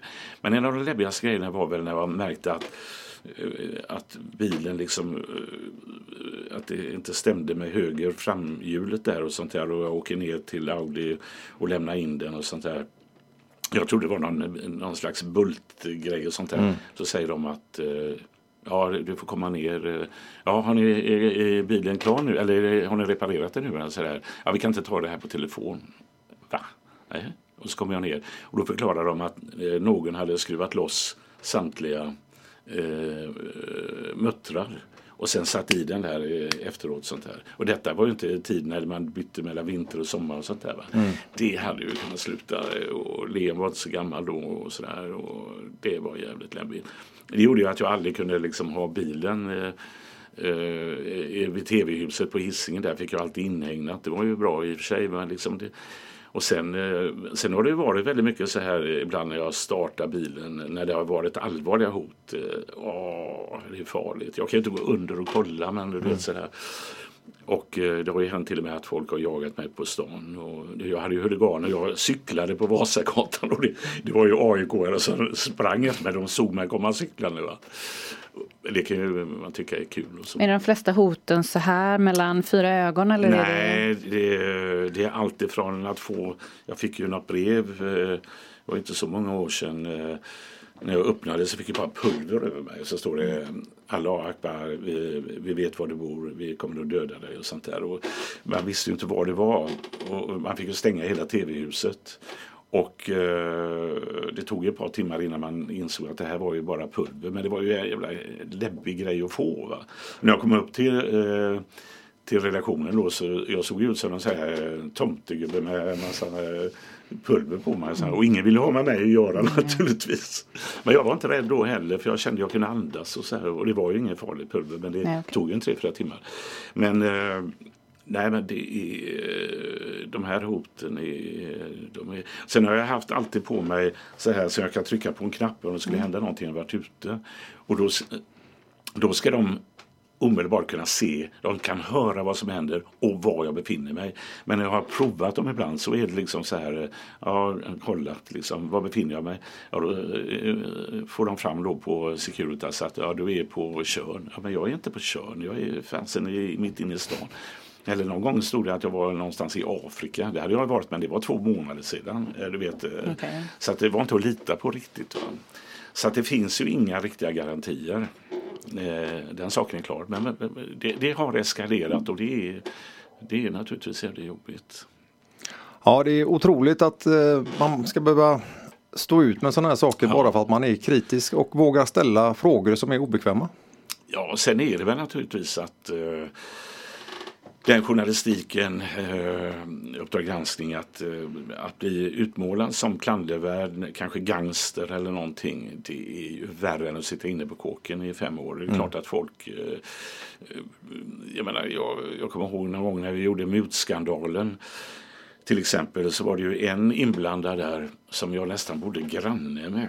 Och kvällen innan vi skulle sända så kunde jag se honom på andra sidan stå eh, och röka så här. Va? Och jag inser ju, vilket han också naturligtvis gjorde, imorgon kommer du få sparken. Alltså, vilket han också fick. Eh, att, eh, att folk kan naturligtvis bli alldeles eh, vansinniga på eh, att vi eh, visar upp dem och sådana här grejer. Och det har skrivits flera böcker om valstugereportage där man visar folk som säger att det är inte jag men det är ju du, du ser ju det. Och det, det är sån jävla förnedring alltså, det är ju det. Jajamän, vi kommer fortsätta köta och vi hoppas att ni tycker det är precis lika intressant som vi tycker. Pirate Rock 95.4 and 90.7. Hej och välkomna tillbaka till Eddie och Linda Show tillsammans med Janne Josefsson här i studion. Och jag ska faktiskt, du har skrivit en bok, eh, Rädd för sanningen. Jag ska bara läsa ett citat ur den. Okej. Ja. Eh, Jag skulle kunna ha lagt det åt sidan och göra andra typer av journalistik. Men jag har något i mig som alltid tar mig vidare. Ingen ska kunna täppa till truten på mig. Det handlar inte om mod utan det handlar nog mer om just besatthet. Jag kan inte förklara det bättre. För mig är ju du otroligt modig. Men du kallar det någonting annat. Nej, Jag vet inte om det är modigt. Alltså det, eh, det är nog en drivkraft som inte bygger på att eh, modig för mig är mera någon som i det total anonymiteten, i det totalt i det fördolda skulle göra allt för att hjälpa mig i en nödsituation eller något sånt där. Här är det ju förknippat med att stå i tv-rutan eller vara med i radion och sånt där. Därför är det lite det behöver ju inte betyda att jag inte är modig men det är liksom det är också det här att eh, det är en önskan att va, göra de här grejerna.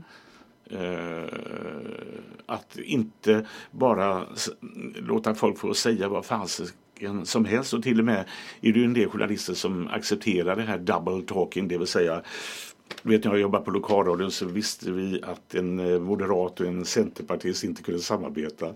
Och så frågade jag moderaten har ni ett bra samarbete här i kommunen? Och så här?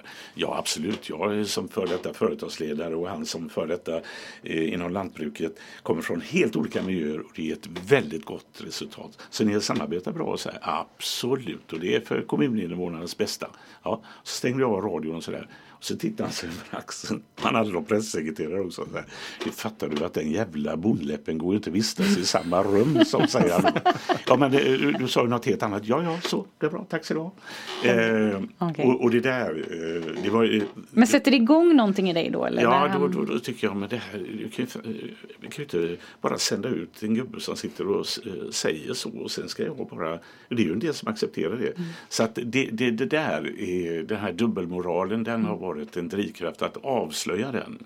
För den är farlig och den eh, är ju eh, väldigt mycket politiker, på, i alla fall på senare år och de senaste decennierna, att man, man står och spelar. Nu vänder man ju plötsligt och i de här avgörande frågorna så här. Men tidigare har man ju liksom bara sagt absolut inte nej, nej, nej. Öppna era hjärtan in. all- Du vet, det, det, det kokar i mig alltså. Och då, då menar jag att eh, det är inte modigt av mig, det är en självklarhet att det, det, måste, det måste fram. Alltså. Så att, eh, men jag har träffat modiga människor som har riskerat att få sparken och ändå säger en sak om det företag de jobbar på till exempel. Eller eh, kan råka riktigt illa ut. Jag är ju rätt, även om jag har haft hot och sådär, ändå rätt eh, skyddad. Eh, välbetald och alltihopa det där får man ju inte glömma. Men vad, vad är det som gör att du valde att sätta allt detta på print i en bok nu? Jag fick förfrågan, jag har fått förfrågan genom åren eh, att skriva mina memoarer och biografi och sånt där. Och eh, nu var det de här Mondial då eh, som kom ner och bjöd mig på middag eh, på en restaurang och så eh, tyckte jag att nu, ja, men nu kanske det passar. Nu hade jag ju slutat på Uppdrag granskning och så frågade jag om jag kunde få hjälp eftersom jag är väldigt mycket en snackare och jobbat med tv och radio hela livet. Jag skulle behöva hjälp och eh, att skriva boken. Ja men det är inga problem. Och så föreslog de Mats Lerneby som jag kände lite grann. Han har jobbat, vi har jobbat ihop en del på tv i Göteborg. Eh, och eh, därför sa jag ja. Och eh, sen var det också ett sätt, jag hade nog aldrig gjort det privat, eh, att liksom ta ut handlingar ifrån, alltså, jag, vet inte vad det heter, men alltså handlingar som handlar om min mamma, hur hon levde. Hon lämnade ju två barn till Vidkärrs barnhem. Alltså, och det fanns ju högar av papper då på något landsarkiv eller någonting kallades det tror jag. Och när vi sitter och läser det så det var ju intressant få. Och då fick jag ju reda på en del saker som jag inte kände till. Och du hade ingen aning om det här med din mamma? Och... Jag, inte, jag visste ju att eh, min storebror Jarl eh, lämnades och hon var alltid rädd när telefonen ringde att det var polisen och sånt där. Och jag, jag hörde hans begravning och sånt där. Och, men han, ibland när vi var, träffades så var han ju inte så glad i hur mamma hade lämnat honom. Men hon var ju bara 17. Hon var ju hon födde på BB i Göteborg honom då för oberörda kvinnor tror jag det hette. Och sånt här. För folk som, hon hade ju en grå klänning när hon gifte sig också. Va? För, för, I och med att hon hade haft barn innan och sånt där. De var eh, tvungna att ha det? Ja, grå klänning kan du tänka dig. Det är ändå modern tid i någon jävla bemärkelse. Svenska, hon ville ju gifta sig i Svenska kyrkan. Men med, med grå, jag frågade mig också, varför har du grå klänning? Alla andra mammor har ju vita klänningar. och Så. Men ehm, Ja, eh, tack vare det här så kunde jag ju ändå få reda på eh, saker som jag inte kände till. Att mamma levde, hon levde ju själv i, i ett fosterhem och blev sexuellt utnyttjad och eh, rymde ifrån Ödsmål som ligger i eh, Ja, det ligger inte långt härifrån, eh, eller ligger uppe i Bohuslän. Eh, och eh, bodde i trappuppgångar och såna här grejer. Va? Och, eh, under den korta tiden också eh, prostituerade sig. Det hade jag ingen aning om. Jag har förstått att det var tufft för dig att hon inte sa någonting under tiden hon levde. Nej, men, eh, Jag kan förstå att hon inte sa eh, de eh, saker i detalj men jag förstod ju att hon hade haft jättetufft. Alltså. Hade hon antytt om det? Ja, inte just det. Hon hade ju inte ens eh, berättat för mig om min andra storebror som lever för övrigt. Mm. Och han är ännu mer eh, fördömande mot mamma att hon lämnade bort honom och, och sådär. Men jag frågade mamma i slutet och då levde hon när han hörde av sig. Och jag sa du kan ju kontakta mamma och jag har en annan eh, bedömning men du har ju rätt till din. Men det ville han inte och sen frågade mamma i slutet men hon bara skrattade då. Liksom. Då var hon, eh, eh, inte senil men hon, hon var inte helt klar i huvudet. Alltså. Så att, eh, men jag eh, har haft väldigt god nytta av mamma. Hon pushade mig att bli journalist. Mm. Mer än vad jag kanske eh, förstått. Hon skulle nog själv vilja bli det. Mm. Hon läste ju böcker så in i helsike, mycket mer än vad jag gör. Mm. Eller har gjort. Eh, och eh, skrev ju också en dagbok och den hittade jag ju också. Mm. I källaren som jag hade gömt ner. Där står ju också saker hur hon hon är livrädd ibland när Lasse Brandeby och jag gör efter timmen att nu får Jan sparken. Han är begåvad, han är bra, men gud vad håller han på med? och det, var ja, lite, det var lite kul att läsa. Ja. Eh, vad, vad, vad, vad, känner du att den här boken kan förmedla till blivande grävande journalister? Det är bara en förklaring eh, varför jag blev den jag blev. Mm. Jag har ju varit eh, rätt obstinat också mot övriga journalistkår ibland när jag tycker att de inte vill göra det som eh, de ideologiskt tycker att det här ska vi inte göra. Till exempel, och det är här typisk grej till exempel att eh, jag, jag kommer ju alltid på morgnarna. Det är det mest, det är det jag saknar när jag inte jobbar länge på en redaktion. Är att komma och så ha fem, sex idéer varav uh, nästan alla kanske är värdelösa. Men ändå, nu måste nu brinner det på flyktingförläggningen, måste ut liksom. För jag, jag gillar inte att sitta på redaktionen och mm. hålla på med datorn och ta ut och filma i presen som man säger. Så här? Och sen något tillfälle kommer jag till jobbet. Och då har vi också ett eh, redaktionsmöte. Det är ju rätt många som jobbar på Uppdrag granskning. Ehm, ja, nu hörde jag att Rädda Barnen eh, går ut med att säga att det finns 250 000 barn som är fattiga. Och så eh, påstår de också att eh, fattigdomen bland barnen är de har inga skor, de har inga kläder på vintern så att de fryser. Eh, de, ja, det, det var massa sådana, de har ingen mat och sådär det är fan inte klokt så vi måste ut. Och jag, då mm. fick jag liksom, då, jag har haft eh, världens underbaraste eh, chef, eh, Nils Hansson, så att ja, men det är klart, och jag får research och jag får fotograf och så åker vi ut. Men då såg jag, det var inte så att fattigdomen såg ut på det sättet. Jag åkte till Eskilstuna, i ett område som heter Lagersberg, där eh, över 80 procent eh, barnfattigdom var. De hade överdrivit det på det sättet att de var fattiga. Men de hade mat, de hade eh, lägenhet, eh, de hade kläder, eh, de hade skor och sånt där. Utan fattigdomen var att det var, det, det, det var påvert. Mamman kanske satt och käkade tabletter, kommer från Iran eller Irak eller någonting, får inga jobb. Det, så såg den ut. Mm. Och då gör jag liksom, varför överdriver ni på det här sättet? Sitter ni i Stockholm och bara eh, låtsas som det här? Som inte, det måste ju stämma för det slår ju tillbaka. Ja, visst. Eller eh, också när vi eh, när jag eh, ville och vi gjorde om eh, till exempel eh, tiggare, romska tiggare så hade Hannes Råstam som dog för tio år sedan, eh, ungefär samtidigt som Lasse Brandeby. Han jobbade ju som researcher med mig. Vi var nere i hela Europa och gjorde om trafficking, alltså, som var ett helt nytt fenomen då vid sekelskiftet. Alltså unga tjejer från eh, forna öststater, eh, kåta gubbar från eh, eh, västvärlden och eh, ligor däremellan och sånt där. Va? Och eh, då såg vi också att det var väldigt mycket romska tjejer som, som var satta i prostitution och jag kan berätta hur mycket som helst om det där. Men vi såg också de romska bossarna mm. och vi gjorde också om romska tjejer som sattes i prostitution i Malmö där eh, eh, Eh, de här romska bossarna också hade egna rättegångar, Romens kris. De sa ingenting när det blev rättegång hur de här, eh, de var begåvningshandikappade, begåvningshandikappade de här tjejerna också. Ehm, eh, ingenting i själva rättegången utan hade egna domstolar och sånt här. Och hela journalistkåren nästan att det finns inga kriminella ligor bland eh, romerna som tigger. Ja, men herregud, vi måste ut och kolla. Och när man eh, gör det så kunde vi ju se till exempel i, eh, i Göteborg flera som utnyttjade handikappade romer som man tog hit som inte fick ett öre utan det var ligor. Ska vi då blunda för det? För det, ja, men då får ju, det här kommer ju gynna Sverigedemokraterna. Ja, men vad då gynna? Antingen finns det eller så finns det inte. Och alla sådana här eh, Amnesty, Rädda Barnen, eh, eh, de här organisationerna sa också nej det är som eh, råttan i pizzan, det finns inte liksom det här med ligorna. Och då hänvisade de till en, en forskarundersökning i Oslo som hade kommit fram till det.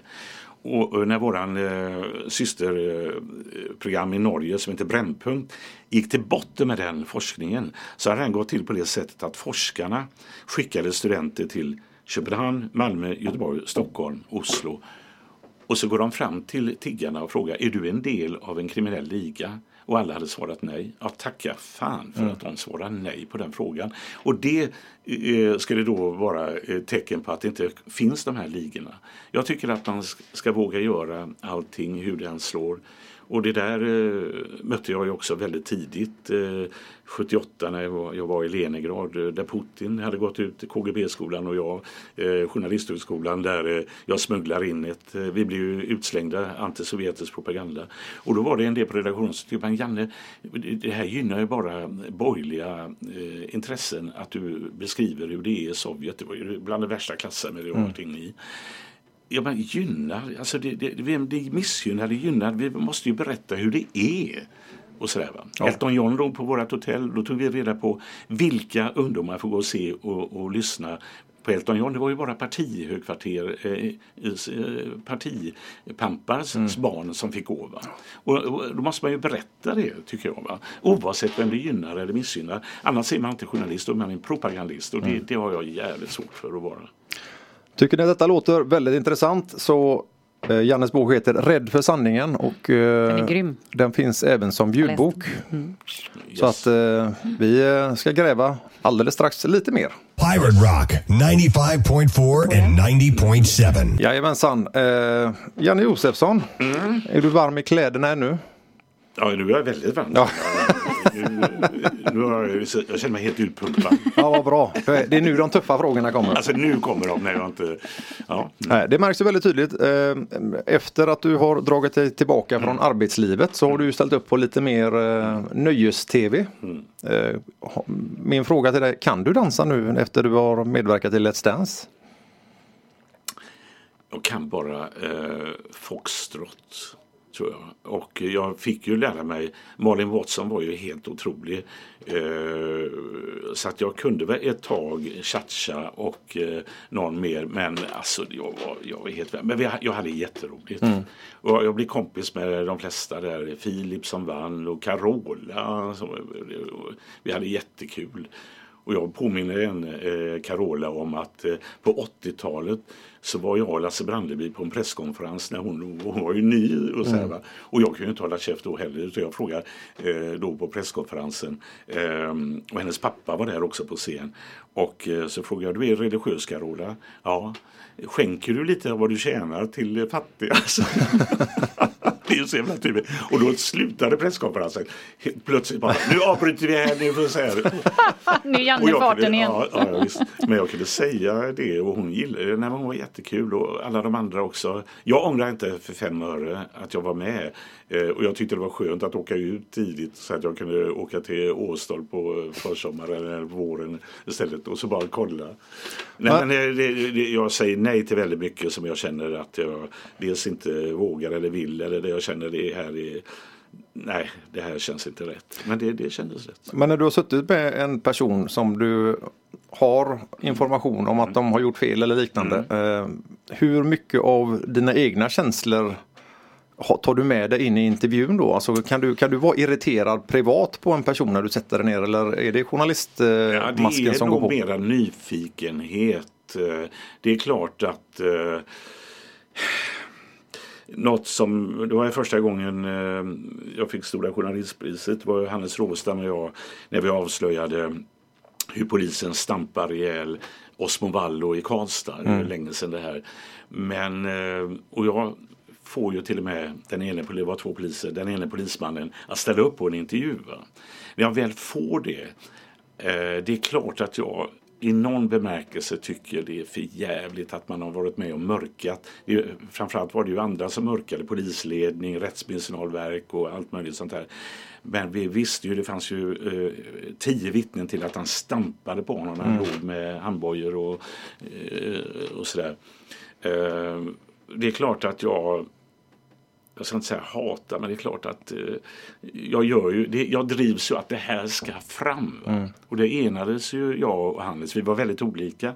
Jag var mer ute och snackade med folk och han satt och, läste obduktionsprotokoll och sånt där. Ehm, det är klart det finns det drivet, men när jag, när jag väl gör intervjun så vill jag begripa och han ska känna sig trygg att jag inte klipper sönder honom eller gör honom sämre än vad han är. Men han säger ju själv då, det var ju det som eh, folk reagerade på att han hade fått blommor av kollegor och de tyckte att det var rätt eh, sätta hårt mot hårt och sånt där. Att säga det och tvn eh, var med i tv, det ledde ju att eh, han fick ju sparken sen. De fi- dömdes ju inte eh, för det hade redan varit, hunden hade ju varit eh, i, på rättegången. Ja. på att säga, men hunden blev, hundägaren blev li, för lite grann. Men de kunde inte göra om rättegången när de väl är gjord. Va? Men han fick sparken och det var på grund av att han hade stulit i eh, polis, polisens eh, eh, kaffekassa. Eh, och så hade han skyllt på att han hamnade i, i psykisk eh, nedbruten av Janne Josefsson var hans förklaring. Liksom att, eh, och jag fick till och med ett samtal eh, några år efteråt och det glömmer jag aldrig. Då ringer en person och säger att eh, Vet du att polismannen som eh, stampade ihjäl Osmo Vallo tog sitt liv igår? Va? Tog han sitt liv? Herregud. Åh, då hade jag eh, ett eh, frilanskontor i Göteborg på Norra Hamngatan där jag kommer, och, och, kommer ihåg det så väl. Och, jag liksom ringer han och säger nu, säger de att han, att han har tagit livet av sig. Vi får vinna Stora Journalistpriset och han tar livet av sig. Det kändes ju för jävligt. Och då ringer jag till polismästaren i Karlstad och får reda på att det stämmer inte alls. Utan det var, och, och då känner man, gud. Men det är ju inte, det är ju inte helt uteslutet att, eh, att någon skulle kunna göra det. Eh, faktiskt. Men det har inte hänt. Men hur, hur orkar du? Hur, hur klarar du de här hoten och hatet som du möter? Alltså, och påhoppen. Hur, hur orkar du som, som person att... Ja, eh, jag vet kanske inte riktigt hur jag tar till mig det eller tar råd. Jag, jag, liksom, jag ser det bara som att eh, nej, men vi kan inte ge efter för liksom, att IS skickar sådana här meddelanden eller eh, att, eh, att eh, det värsta har ju varit de här eh, psykiskt sjuka. Eh, där var jag ju med någon gång. Då hade jag ju vakter med mig på ett möte i Göteborg på Post Hotel. Och eh, jag hade två vakter eh, som körde mig och som var med och kollade. Men då hade de mera koll på nazister och sånt tror jag. Eh, och sen när det var färdigt det här, det var eh, en diskussion och sen här med Stordalen och jag och några till. Och så eh, kommer det fram en man och lämnar eh, så här, han ska överräcka någonting lite som jag tappar sen. Och så känner jag igen, men du har ju, herregud, du har ju hotat mig till liv. Du vill ju bränna upp mig så här. Och då springer han iväg. Va? Och eh, när vi kom hem sen, eh, då när Helena och jag var ihop då, eh, så ser vi att eh, Expressen hade lagt ut alla bilder. Då ser man att han sitter bakom mig under hela föreställningen, den här mannen. Som då måste ha varit psykiskt sjuk för han lämnade ju, vi visste ju hans telefonnummer, var han bodde och allting och hotade. Han ringde och hotade och allt möjligt sånt här. Och eh, de har varit de, bland de värsta grejerna. Eh, Det var en annan som också var psykiskt sjuk som, eh, då fick jag inte gå ut, då var Leon liten, då fick jag inte gå ut med honom på ett halvår. Liksom. Fy fasen. det var ju fruktansvärt alltså. Och de, eh, ja, men eh, som sagt var, jag, jag, jag, jag har hanterat det på något sätt eh, och det har ju inte hänt mig något. Så att eh, det har ju i någon bemärkelse funkat. Janne lever ju med mycket eh, säkerhet hemma men han har också utlöst larmet själv hemma en gång och det ska han få berätta om mer efter pausen. Ja. Pirate Rock. Västkustens bästa rock.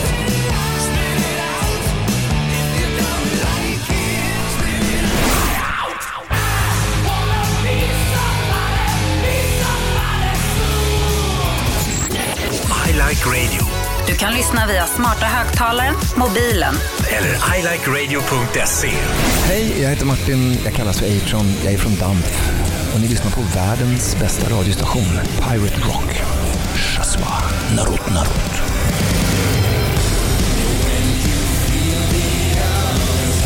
Pirate Rock. Välkomna tillbaka till Eddie och Linda show och Janne Josefsson. Jag har ju då läst Janne att du eh, en, vid ett tillfälle lyckades lösa ut larmet Ja. själv hemma hos dig. Ja, det, det var eh, faktiskt det är många år sedan det här och då bodde vi i en villa mellan Göteborg och Borås ska man säga. Och eh, barnen var små och det var ju det här med Hells som gjorde att vi hade larm och det var källa. Ibland löste ju katten ut. Vi hade en katt Eh, som löste ut eh, larmet och eh, sådana här grejer. Men sen hade det gått några år va? och då stängde vi ner larmet helt och det var så jävla skönt att slippa det där. Och så hade jag varit på Åstad där jag har ett sommarställe och så kom jag hem till eh, Sjömarken där som det heter. Och, eh, och så hur den är då så, så är det någon geting eller fluga eller någonting vid köksfönstret där. Eh, och så slår jag ihjäl den där flugan och det börjar larma utav helsike. Och jag, och jag tänkte hur får, jag, hur får jag stopp på detta? Så jag ringde Securitas och sa ja larmet går här och liksom, jag vet inte vad jag ska göra. Ja du slår in koden bara. Kod? Jag vet inte fan vad det är för kod. Jag kan inte det. Ja, ja men den, den kommer automatiskt upphöra om en kvart. Om en kvart! Det är liksom det ekar över hela villaområdet. Och polisen kommer upp med liksom eh, pistoler så här va. Och liksom och, och den ene kände igen mig och sådär. Och så jag sa, nej men det, det, det, är över nu för nu har det slutat och sådär. Och eh, jag tänkte jag kan inte med och säga att jag, eh, det var en flugsmällare här som jag slog till och sådär. Utan jag, ja det var, ja. Men det är bara en rolig historia. Du ja. lever ju med mycket säkerhet eh, och det gör du Ja, fortfarande eller? Ja, det gör jag fortfarande. Mm. Jag har läst att du inte tar emot besök hemma. Jo, det gör jag. Det gör du. Eh, Jag har ju en podd nu som eh, heter eh, Okänd, Oväntat besök hos Janne Josefsson. Vilket är jättekul att jag inte vet vem det är. Och där står det också att jag aldrig tar emot vad det är klart att jag gör. Men det är en skyddad adress, det vill säga att eh, det står inte mitt namn där nere. Eller, ingen kan hitta det eh, och sådär. Men det är klart att jag har eh, ibland vänner eh, som kommer och hälsar på mig och sådär. Men de som kommer då i podden, eh, de kommer hem till dig? Ja, det gör de. Ja. Absolut. Och då är det ändå någon som du inte vet vem det är som ska komma? Ja, det är ju själva programidén är Ja. ju detta att jag får liksom lite information på ett papper att det här är, är en person som är, jag, nu rullar ju den här podden och det har varit Per Andersson, Lasse Kroner och det har varit eh, Mia Skäringer och alla möjliga. Och det blir jävligt kul det här och det värsta, det värsta, och jag tror att jag har prickat in, det är väl 11 avsnitt vi har spelat in i alla fall. Varav majoriteten så gissar jag helt fel hela tiden. Och det, bland det roligaste var det jag fick en så här, det, ja men det här, vad kan det här vara? Eh, flyttade hemifrån tidigt, eh, har varit i Nordkorea och sånt där. Ja, ja, ja, säger jag, det är ju Sven Wolters eh, dotter här, eh, Stina Wolter. Ja, ja, men det är, det är jag helt säker på, det kan inte vara någon annan, säger jag då. Och så hör man då eh, att det piper och då trycker jag på en knapp och jag hörde inte exakt om det var en man eller kvinna men det är Stina Wollter och så här. Och så tänkte jag nu är jag så jävla säker på min sak.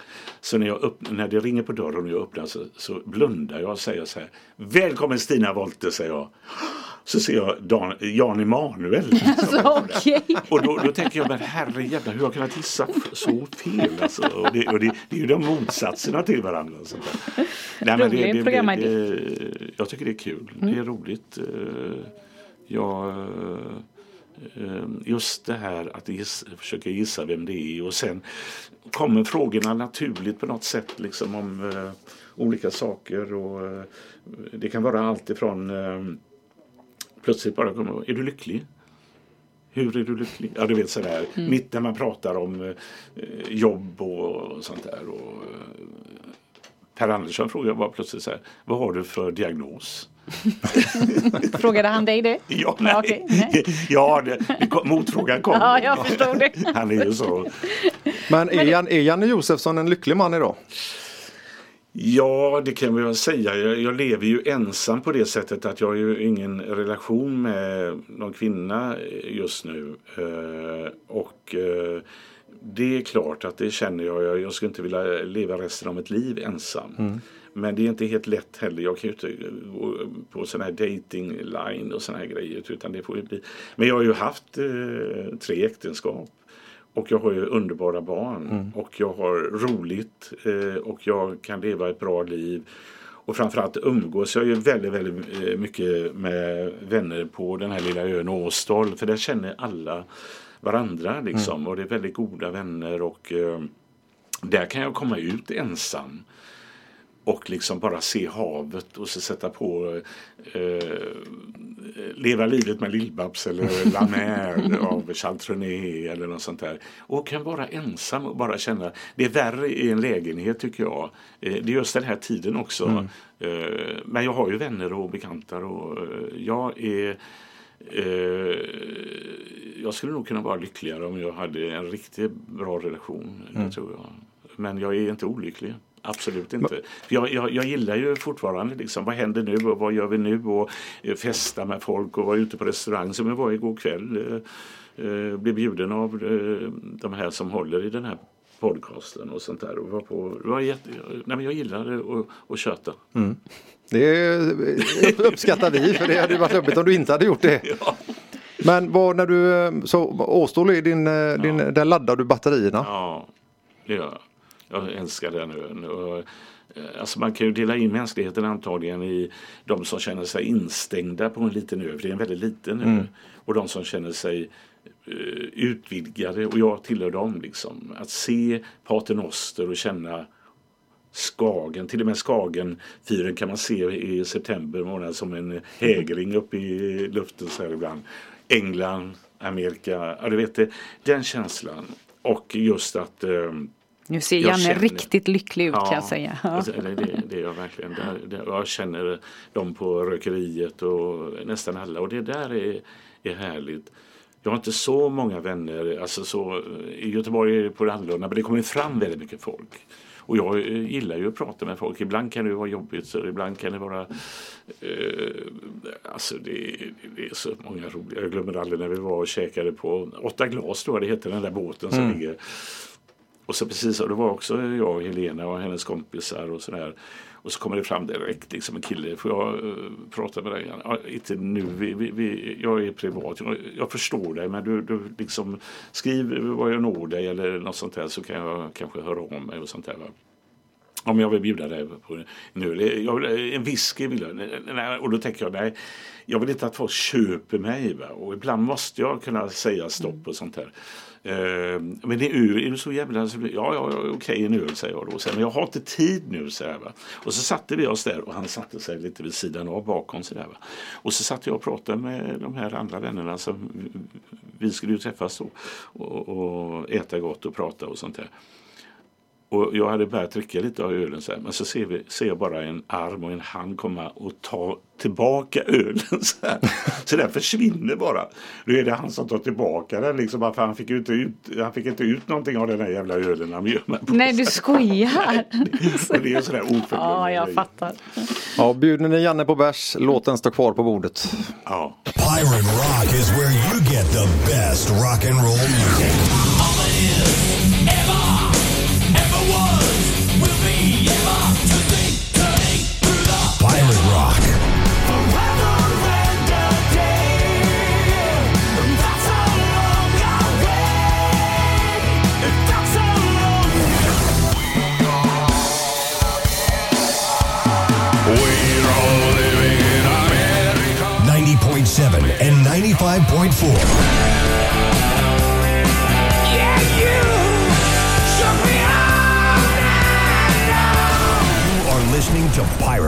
Välkommen tillbaka till Eddie och Linda Show med Janne Josefsson som gäst idag och nu ska vi ta tio snabba frågor till dig tänkte vi. Och då vill vi ha snabba svar. Snabba svar, då. Ja, då börjar vi. Väljer du husmanskost hemma eller vill du hellre gå på finrestaurang?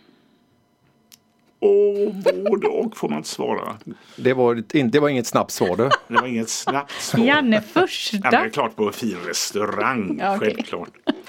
Eh, vinter eller sommar? Sommar. Kött eller fisk? Fisk. Men inte vilken fisk som helst. Nej, okej. Rock eller pop? Rock. Smoothie eller en öl? smoothie eller en öl? Öl. Jogga eller powerwalka?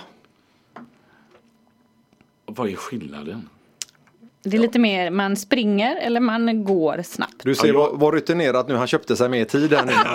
Nej men jag, jag, jag är ute och går rätt mycket. Jag mår bra av det. Det är Ja. därför jag kanske har bättre värden att jag gör det oftare nu. Mm. Men jag springer inte. Nej, då blir det powerwalka. Powerwalk. Ja. Ja, powerwalk. ja.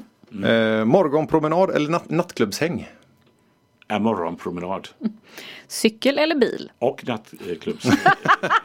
Nej men Janne nej, på nej, nej, alla nej, nej, frågor. nej. Du går direkt på morgonpromenad efter nattklubbshänget helt enkelt. Ja. Cykel eller bil? Ja, jag gillar att cykla. Och det stannar folk, man, hela tiden stannar det folk och säger Vad har du hjälmen? Har du ingen hjälm? Är du galen? eller?" Ja, varför har du inte hjälm Janne? Ja, men, pff, nej. Nej, jag gillar inte hjälm. Ja, men jag försöker hålla mig på cykelbanor och sånt där. Men, eh, Men ja, det det är ju idiotiskt. Ja. Det är väl Ja, det är det bara faktiskt. väldigt naivt och eh, att man tycker att man ser dum ut i hjälm eller något. Titta på sport live eller på tv? Eller på tv, det finns väl live? Ja, ja det, jo det är klart, herregud. Att gå på matcher. Tyvärr, eh, live eh, är ju fantastiskt. Men ett tag när vi hade gjort om huliganer alltså, så var det också farligt för mig. Mm. Och det är ledsamt. Jag gillar inte det här. Vi, jag är ju IFK, även om jag kanske gått över till Häcken numera. Vi, kan klippa, vi kan klippa bort det sista där. Så, så. Vänta nu, det är Nej, men eh, just det här att när man är på fotboll, jag har med mig min minste son och sånt här. Och så är det liksom hata, hata Stockholm när de möter Hammarby och, och Hammarby skriker. Det är så tråkigt att det Ja, har blivit så grejer. Men eh, det är klart, live eh, fotboll, något bättre finns inte. Då undrar jag, när du sätter på din telefon, tittar du helst på sociala medier eller nyheter? Nyheter. Nyheter. Ja, det var ju tio ganska snabba frågor. Ja, Ganska snabba. Ganska ja. snabba Ja, svar. 20 minuter bara. Men Du Janne. Det var väldigt bra svar. Ja, det tycker jag absolut. Speciellt när du vill ha båda svaren. Ja, men så kan ju livet vara. Ja, så kan det vara. Men du, om du får välja två personer. Vilken tidsepok du vill som du ska få bjuda på middag. Sitta runt ett sånt här stort runt bord och prata med.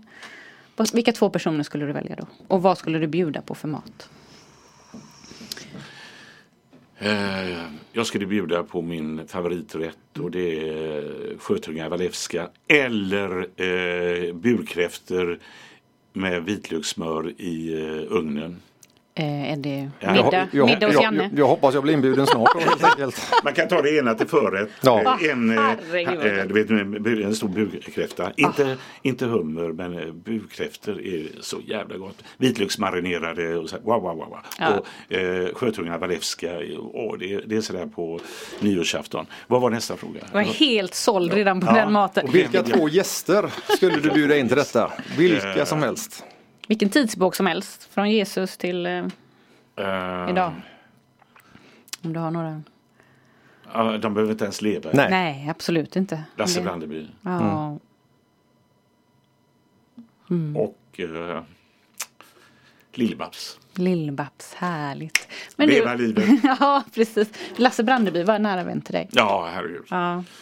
Absolut. Jag ser att du blir lite rörd. Mm. Oerhört nära. Eh, jag glömmer aldrig eh, på eh, begravningen. Begravningen är ju aldrig eh, sådär jättehärliga. Eh, men det, är ju, eh, det var väldigt värdigt och det var väldigt bra. Det var fullt i Masthugskyrkan. Och eh, så var det uppdelat. Han har varit gift med två fruar. Ena sidan där och andra sidan. Jaså. Så här, Som det kan vara ibland. Ehm, men, ehm, och Lasse Kronér satt precis framför mig så där lite vid sidan. Och när damorkestern började spela Flickor bak i bilen. Ja men herregud på riktigt. Ja på riktigt.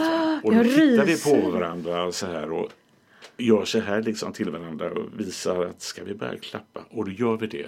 Och vi får upp en stämning som är, nu är Lasse med. Alltså att vända det här, det var en press som var väldigt bra men det var väldigt allvarstyngt och det var väldigt ledsamt naturligtvis allting. Men att vända det liksom till att nu, att alla står upp och gör så här och klappar och så här, det var fantastiskt, oförglömligt. Vad fint. Ja. På en begravning och våga Ja, göra något ja. sånt. För man är ju lite sådär. Ja, det var ju därför vi tittade på varandra. Ja, och, och, och, och Kroner var ju den som stod Lasse närmast av alla. Ja, okej. Han var där hos honom varenda dag, varenda stund i sjukhuset och, sånt där. Eh, jag var hemma hos honom eh, väldigt kort tid innan han dog och sånt där. Och, men, men Lasse Kronér hade en sån otrolig connection i slutet med Lasse. Känner du att du fick ett fint avslut eh, med Lasse Brandeby innan? Absolut, vi hade inga eh, inga problem alls. Alltså det, Eh, jag var ju med liksom, eh, han, första gången han gjorde Kurt Olsson, då är det lokalradion. Va? Eh, var han och Frank Gunnarsson då. Och eh, jag hade ju jobbat med Lasse med andra grejer då. Men, eh, och vi kunde ju stå på en eh, restaurang eller på en pub eller någonting och stå eh, inne och pinka och folk härma Kurt Olsson. All, det var så inne vet du. Och ingen visste att det, det här är den här killen som står jämte mig som är Kurt Olsson. Eh, och när vi var i Stockholm jag och Lasse så, här, så gick han upp vid något tillfälle. Då var han lite packad och skulle eh, vara Kurt Olsson. Ingen jävel visste vem Kurt Olsson var i Stockholm. Det, var, det, det funkade inte. Och första gången tv-serien om Kurt Olsson och Arne sändes så hände ingenting. När det repriserades mellan jul och nyår ett år efteråt eller några månader efteråt då slog det. Och då var jag med, då umgicks vi mycket och då, eh, han blev ju Sveriges mest kända under, över en natt. Liksom. Och det kom fram, fram folk hela tiden och ville att han skulle skriva och krama dem och sånt där. Han var, han var så jävla snäll. Eh, det var eh, fantastiskt. Härligt. Det var ju två personer du ville bjuda på middag, Lasse Brandeby och Lill-Babs. Ja. Och när vi kommer tillbaka efter pausen så eh, vill jag att du berättar lite mer om, du beskriver Lill-Babs i din bok så himla fint. Tycker Alltså, jag. jag gör det? Ja, det gör okej, du. Ja. okej. Så vi är tillbaka alldeles strax. 90.7 and 95.4 Pirate Rock. Välkommen tillbaka till Eddie och Linda Show och vi snackar med Janne Josefsson. Eh, Jag har ju läst din bok Janne och den är ju fantastisk tycker jag. Jättebra och väldigt många roliga historier. Men du beskriver också Lill-Babs så himla fint i den här boken tycker jag. Ja, det, är ju, det är ju så här att ehm, eh, att förställa sig och vara någon annan än vad man i verkligheten är, är ju, jag är nästan allergisk mot det. Och man har ju sett människor som är liksom eh, tvärt emot vad de är och utger sig för att vara när de står på scen eller blir intervjuade och sånt här. Och det är inte alls ovanligt. Och man brukar alltid säga, ska man, vill man ha reda på hur en känd person är i verkligheten så ska man fråga de som jobbar med sminket på SVT. och gör man det så nämner de alltid Lill-Babs. Hon var likadan när kameran var på som den var avslagen. Hon var alltid schysst mot dem som i sminket. Och när hon klev in i studion så hälsade hon på alla, vem det än var, hur liten funktion man än hade, så gjorde hon det. Och det där är ehm, eh, jag hann att säga det till henne en gång vad faktiskt eh, på en Kristallengala. En, eh, som, eh, det är tv-pris och sånt där. Då var det hon och Maria Mörk som satt vid ett bord. Och då gick jag fram. Jag hade aldrig träffat henne innan tror jag. Och då berättade jag väldigt mycket om eh, Lasse, han levde ju inte då, jag, hur Lasse beundrade henne och eh, gjorde den här Leva livet och allting sånt här. Och så berättade jag just det här också. Och eh, nej, för jag har sett motsatsen. Eh, jag namnger några i boken också faktiskt. Det, det, är, ja, det, ja, det, är det värsta jag vet. Ja det är väldigt otroligt och du, du möter ju på ett, an, på ett annat sätt. Ja. Men det var väldigt fint i varje fall och att du lyfter henne så. Och det är ju många med dig som gör det. Det är många som pratar om hur härlig hon Ja, är. ja. Eller var. Och sen gillade jag, det, var ju en van, vanlig tjej som blev så jävla populär för att hon var så bra på det hon gjorde. Eh, till, till och med när hon står där med Beatles i drop-in, liksom, det finns ju på Youtube tror jag. Eh, man ser ju liksom att hon är bra, hon kan sin sak och så är hon generös och inte liksom snål och eh, bitter och förställer sig. Det, det, men det, det finns många sådana inom de som står och, och, och figurerar i tv och sånt här naturligtvis. Ja, Ja, Liv-Babs jätte- var fantastisk. jätte- Och jag, som sagt var när jag kommer till Oslo så sätter jag ofta på den. Leva livet, det ska jag leva. Ja men den är Allt- väldigt allt- härlig. Se vem som roar sig mest. Men då tillbaks till Åstol. Ja, Eh, Eftersom det är en ö så har du båt? jag har båt ja. Ja, är du en bra kapten? Jag vet knappt vad styrbord och babord är sådär, men jag, jag, kan ju inte, jag köpte en ny båt förra året för den andra var alldeles kass och motorn eh, mer eller mindre hade pajat och sånt där. Men jag gillar ju den här snipa bara tuffa fram. Va? Mm. Men den, det är också en snipa det här men den låter inte lika så här. tut, tut, tut, tut, tut, tut, tut, tut. Den låter, eh, det är en italiensk motor men man kan, man kan ta på sig hörlurarna till telefonen ska man slå in så får man den gamla snipan så, så det, man hör den. Det var ett riktigt bra tips Janne tycker jag. Det är bra båttips. Har du varit med om någon, eh, någon incident på sjön eller?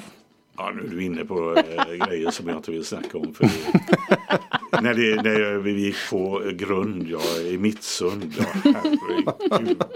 ja, det, Vera och Conny, ja, de- glömmer det aldrig och jag, jag försöker förtränga det. Och nu blev du påmind igen. Ja, den här frågan var faktiskt någonting som jag blev ombedd att ta upp nämligen. Så att, eh, men inga kommentarer från dig då Janne? Nej, nej, nej det, Jag ska hälsa det. Eh, om man ska... Men att vi lever, det får man vara glad för. Alltså det var så pass? Ja, det var så pass. alltså.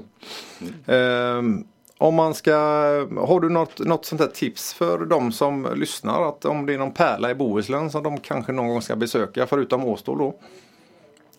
Åh herregud, det finns hela, hela Bohuslän är ju fantastiskt. Alltså, det är ju, Uh, nej men jag kan inte säga, jag, jag menar, uh, vad heter där jag var med Lars Lerin där uppe i något program där Ingrid Bergman bodde och kom ifrån. Vad heter det? Inte Hamburgsund utan lite längre norröver. Eh, Åh, ja och namn. Ja, jag, jag står still nu. Står du still? Ja, jag står men still. Säg någon pärla i Bohuslän då. Ja, men eh, Men någon pärla har du väl? det finns hur mycket som helst. Min pärla är ju Slussens pensionat. Ja, Slussens pensionat ja. Det är ju en sån här riktig... eh, Men det är inte riktigt havet, det är nästan insjö där. Så är men, det ju, Men, men- eh, Biggles där ja. Jajamän, och det, det, det är ju ett ställe som jag gärna åker upp och laddar batterierna på. Ja. Eh, Bra musik, fantastiskt bemötande när man kommer upp Ja. dit. Men jag tror inte Biggles har kvar det. Det är väl hans son eller dotter? Hans, hans barn är det som driver Ja, det nu. ja, ja. Så att, eh, Nej, men det är en klassiker och det ligger ju på Orust då på insidan där, på ostsidan. Men Mm. det är ju fantastiskt. Det är ett paradis alltså. Men eh, Lill-Babs, men musik, vad lyssnar du på? Vad, vad är det som går i dina, din musikspelare när du... Det är allt ifrån eh, klassisk musik till eh, mycket liksom eh, gamla goda låtar. Framför, eh, ta eh, till exempel Iggy Pop, The Passenger kan jag sätta på. Alltså det finns ett antal favoriter. La Mer med Chad Rebré, eh, heter han Chad, Chad, vad heter han? Ehm, Men det är en stor blandning. När jag jobbade på Lillhagens mentalsjukhus som 18-åring så är det en, eh, en avdelning, 7 C tror jag det heter, för väldigt mycket eh, missbrukare, alkoholister och sådär. Och då var det en konstnär där som sa, jag frågade mig, gillar du klassisk musik? Jag vet knappt vad det är. Så jag, jag, ja, då ska jag lära dig, sa han. Så jag fick en LP-skiva eh, varje gång jag kom. Först var det Tchaikovskys första pianokonsert och sen var det Beethovens eh, femte symfoni och sen var det, eh, ja, det hela tiden. Och han ville ha, eh, har du lyssnat på den? Ja, nu lyssnar du på den så kommer du tillbaka. Ja, så gjorde jag det. Och när jag bara jag hörde det här Tchaikovskys första pianokonsert så var det ju som ett halvt samlag. det var fantastiskt. Va? Och jag har dem evigt tacksam. Han lärde mig att lyssna på klassisk musik. Och eh, Eh, Så det gör jag också väldigt mycket. Men jag gillar också väldigt mycket Love and Spoonful. Det är klart det är mycket gamla låtar och sånt där. Men jag gillar även eh, nya grejer. Musiken är jätteviktig. Musik är en stor del, det kan man lyssna på när som helst. Mina tre söner har blivit med väldigt musikaliska alla tre. Jag är inte musikalisk kan jag säga. Jag blev till och med utslängd ifrån gitarrkursen på... eh, jo men det var ju så. Man Då är man få, eh, riktigt skolan dålig. hade en gitarrkurs och så säger han så här, kan du komma fram nu? Så här, kan du sjunga? Jag kan inte sjunga, säger jag. Jo men jag vill höra om du har, eh, eh, vad säger man? Eh, vad säger man? Känsla. Känslan. Ja, känslan för musik och gehör eller något sånt där. Ja, det, och så var det någon tv-program på den tiden som hette Bröderna Cartwright. Så jag sa jag kan jolla Bröderna Cartwright. Så dun, dun, dun, dun, dun, dun, dun, dun, dun, dun, dun. Och så blev det alldeles tyst. Nu går du ner och sätter dig. Och så kommer du aldrig tillbaka hit. Gud vilken otrevlig lärare. Och den eh, läraren grävde Janne upp sen och eh, ställde mot väggen rejält. 40 år efteråt. När vi kommer tillbaka så ska vi ha lite sociala medietips. okej. Det här är Pirate Rock. 95,4 och 90,7. Västkustens bästa rock. Jajamän, Eddie och Linda show. Eh, Janne Josefsson i Heta stolen och eh, vi har haft ett eh, väldigt trevligt kött här tycker ja, vi. Ja, jag tycker det har varit eh, kul, anständigt och I alla fall i sändningen. Jag gillar ordet anständigt ändå. Ja. Eh, Det var ju hur mycket historier som helst. Vi Ja, hade kunnat ja, hålla på i ja. flera dagar känns Ja. det som. Ja, det har varit jättekul att Ja, vi vill slå ett slag för Jannes bok Rädd för sanningen. Gästen är grym. Ja. Läs den.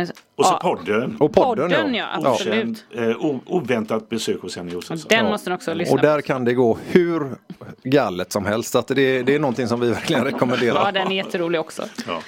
Eh, Linda, har du något eh, bra Instagramtips idag eller? Det har jag. Vi brukar alltid dela med oss av något som, eh, någon som inspirerar oss. Och jag har en tjej som faktiskt är författare som heter Sofia Siversdotter.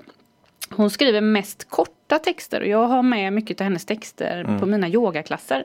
Jag ska bara läsa en jätte, jätte, jättekort text från henne som är så fin. Välj omsorgsfullt vad du vill släppa in i ditt liv. Vilka som får tillträde till ditt inre. Öppna inte upp för många dörrar samtidigt. Det blir korsdrag i ditt hjärta. Om du vill leva ett värdefullt liv, välj ditt värdiga. Jättefina texter har hon. Så att Sofia Siversdotter skulle jag vilja rekommendera. Hur gör man att komma in på Instagram? Eh, Då måste man ta hem den appen. Ja, man måste vara med på den här. Ja. Orsaken att jag aldrig har varit med om detta är ju just det här hotgrejer och Ja, sånt här. Men vad, vad är det för farligt att gå in då?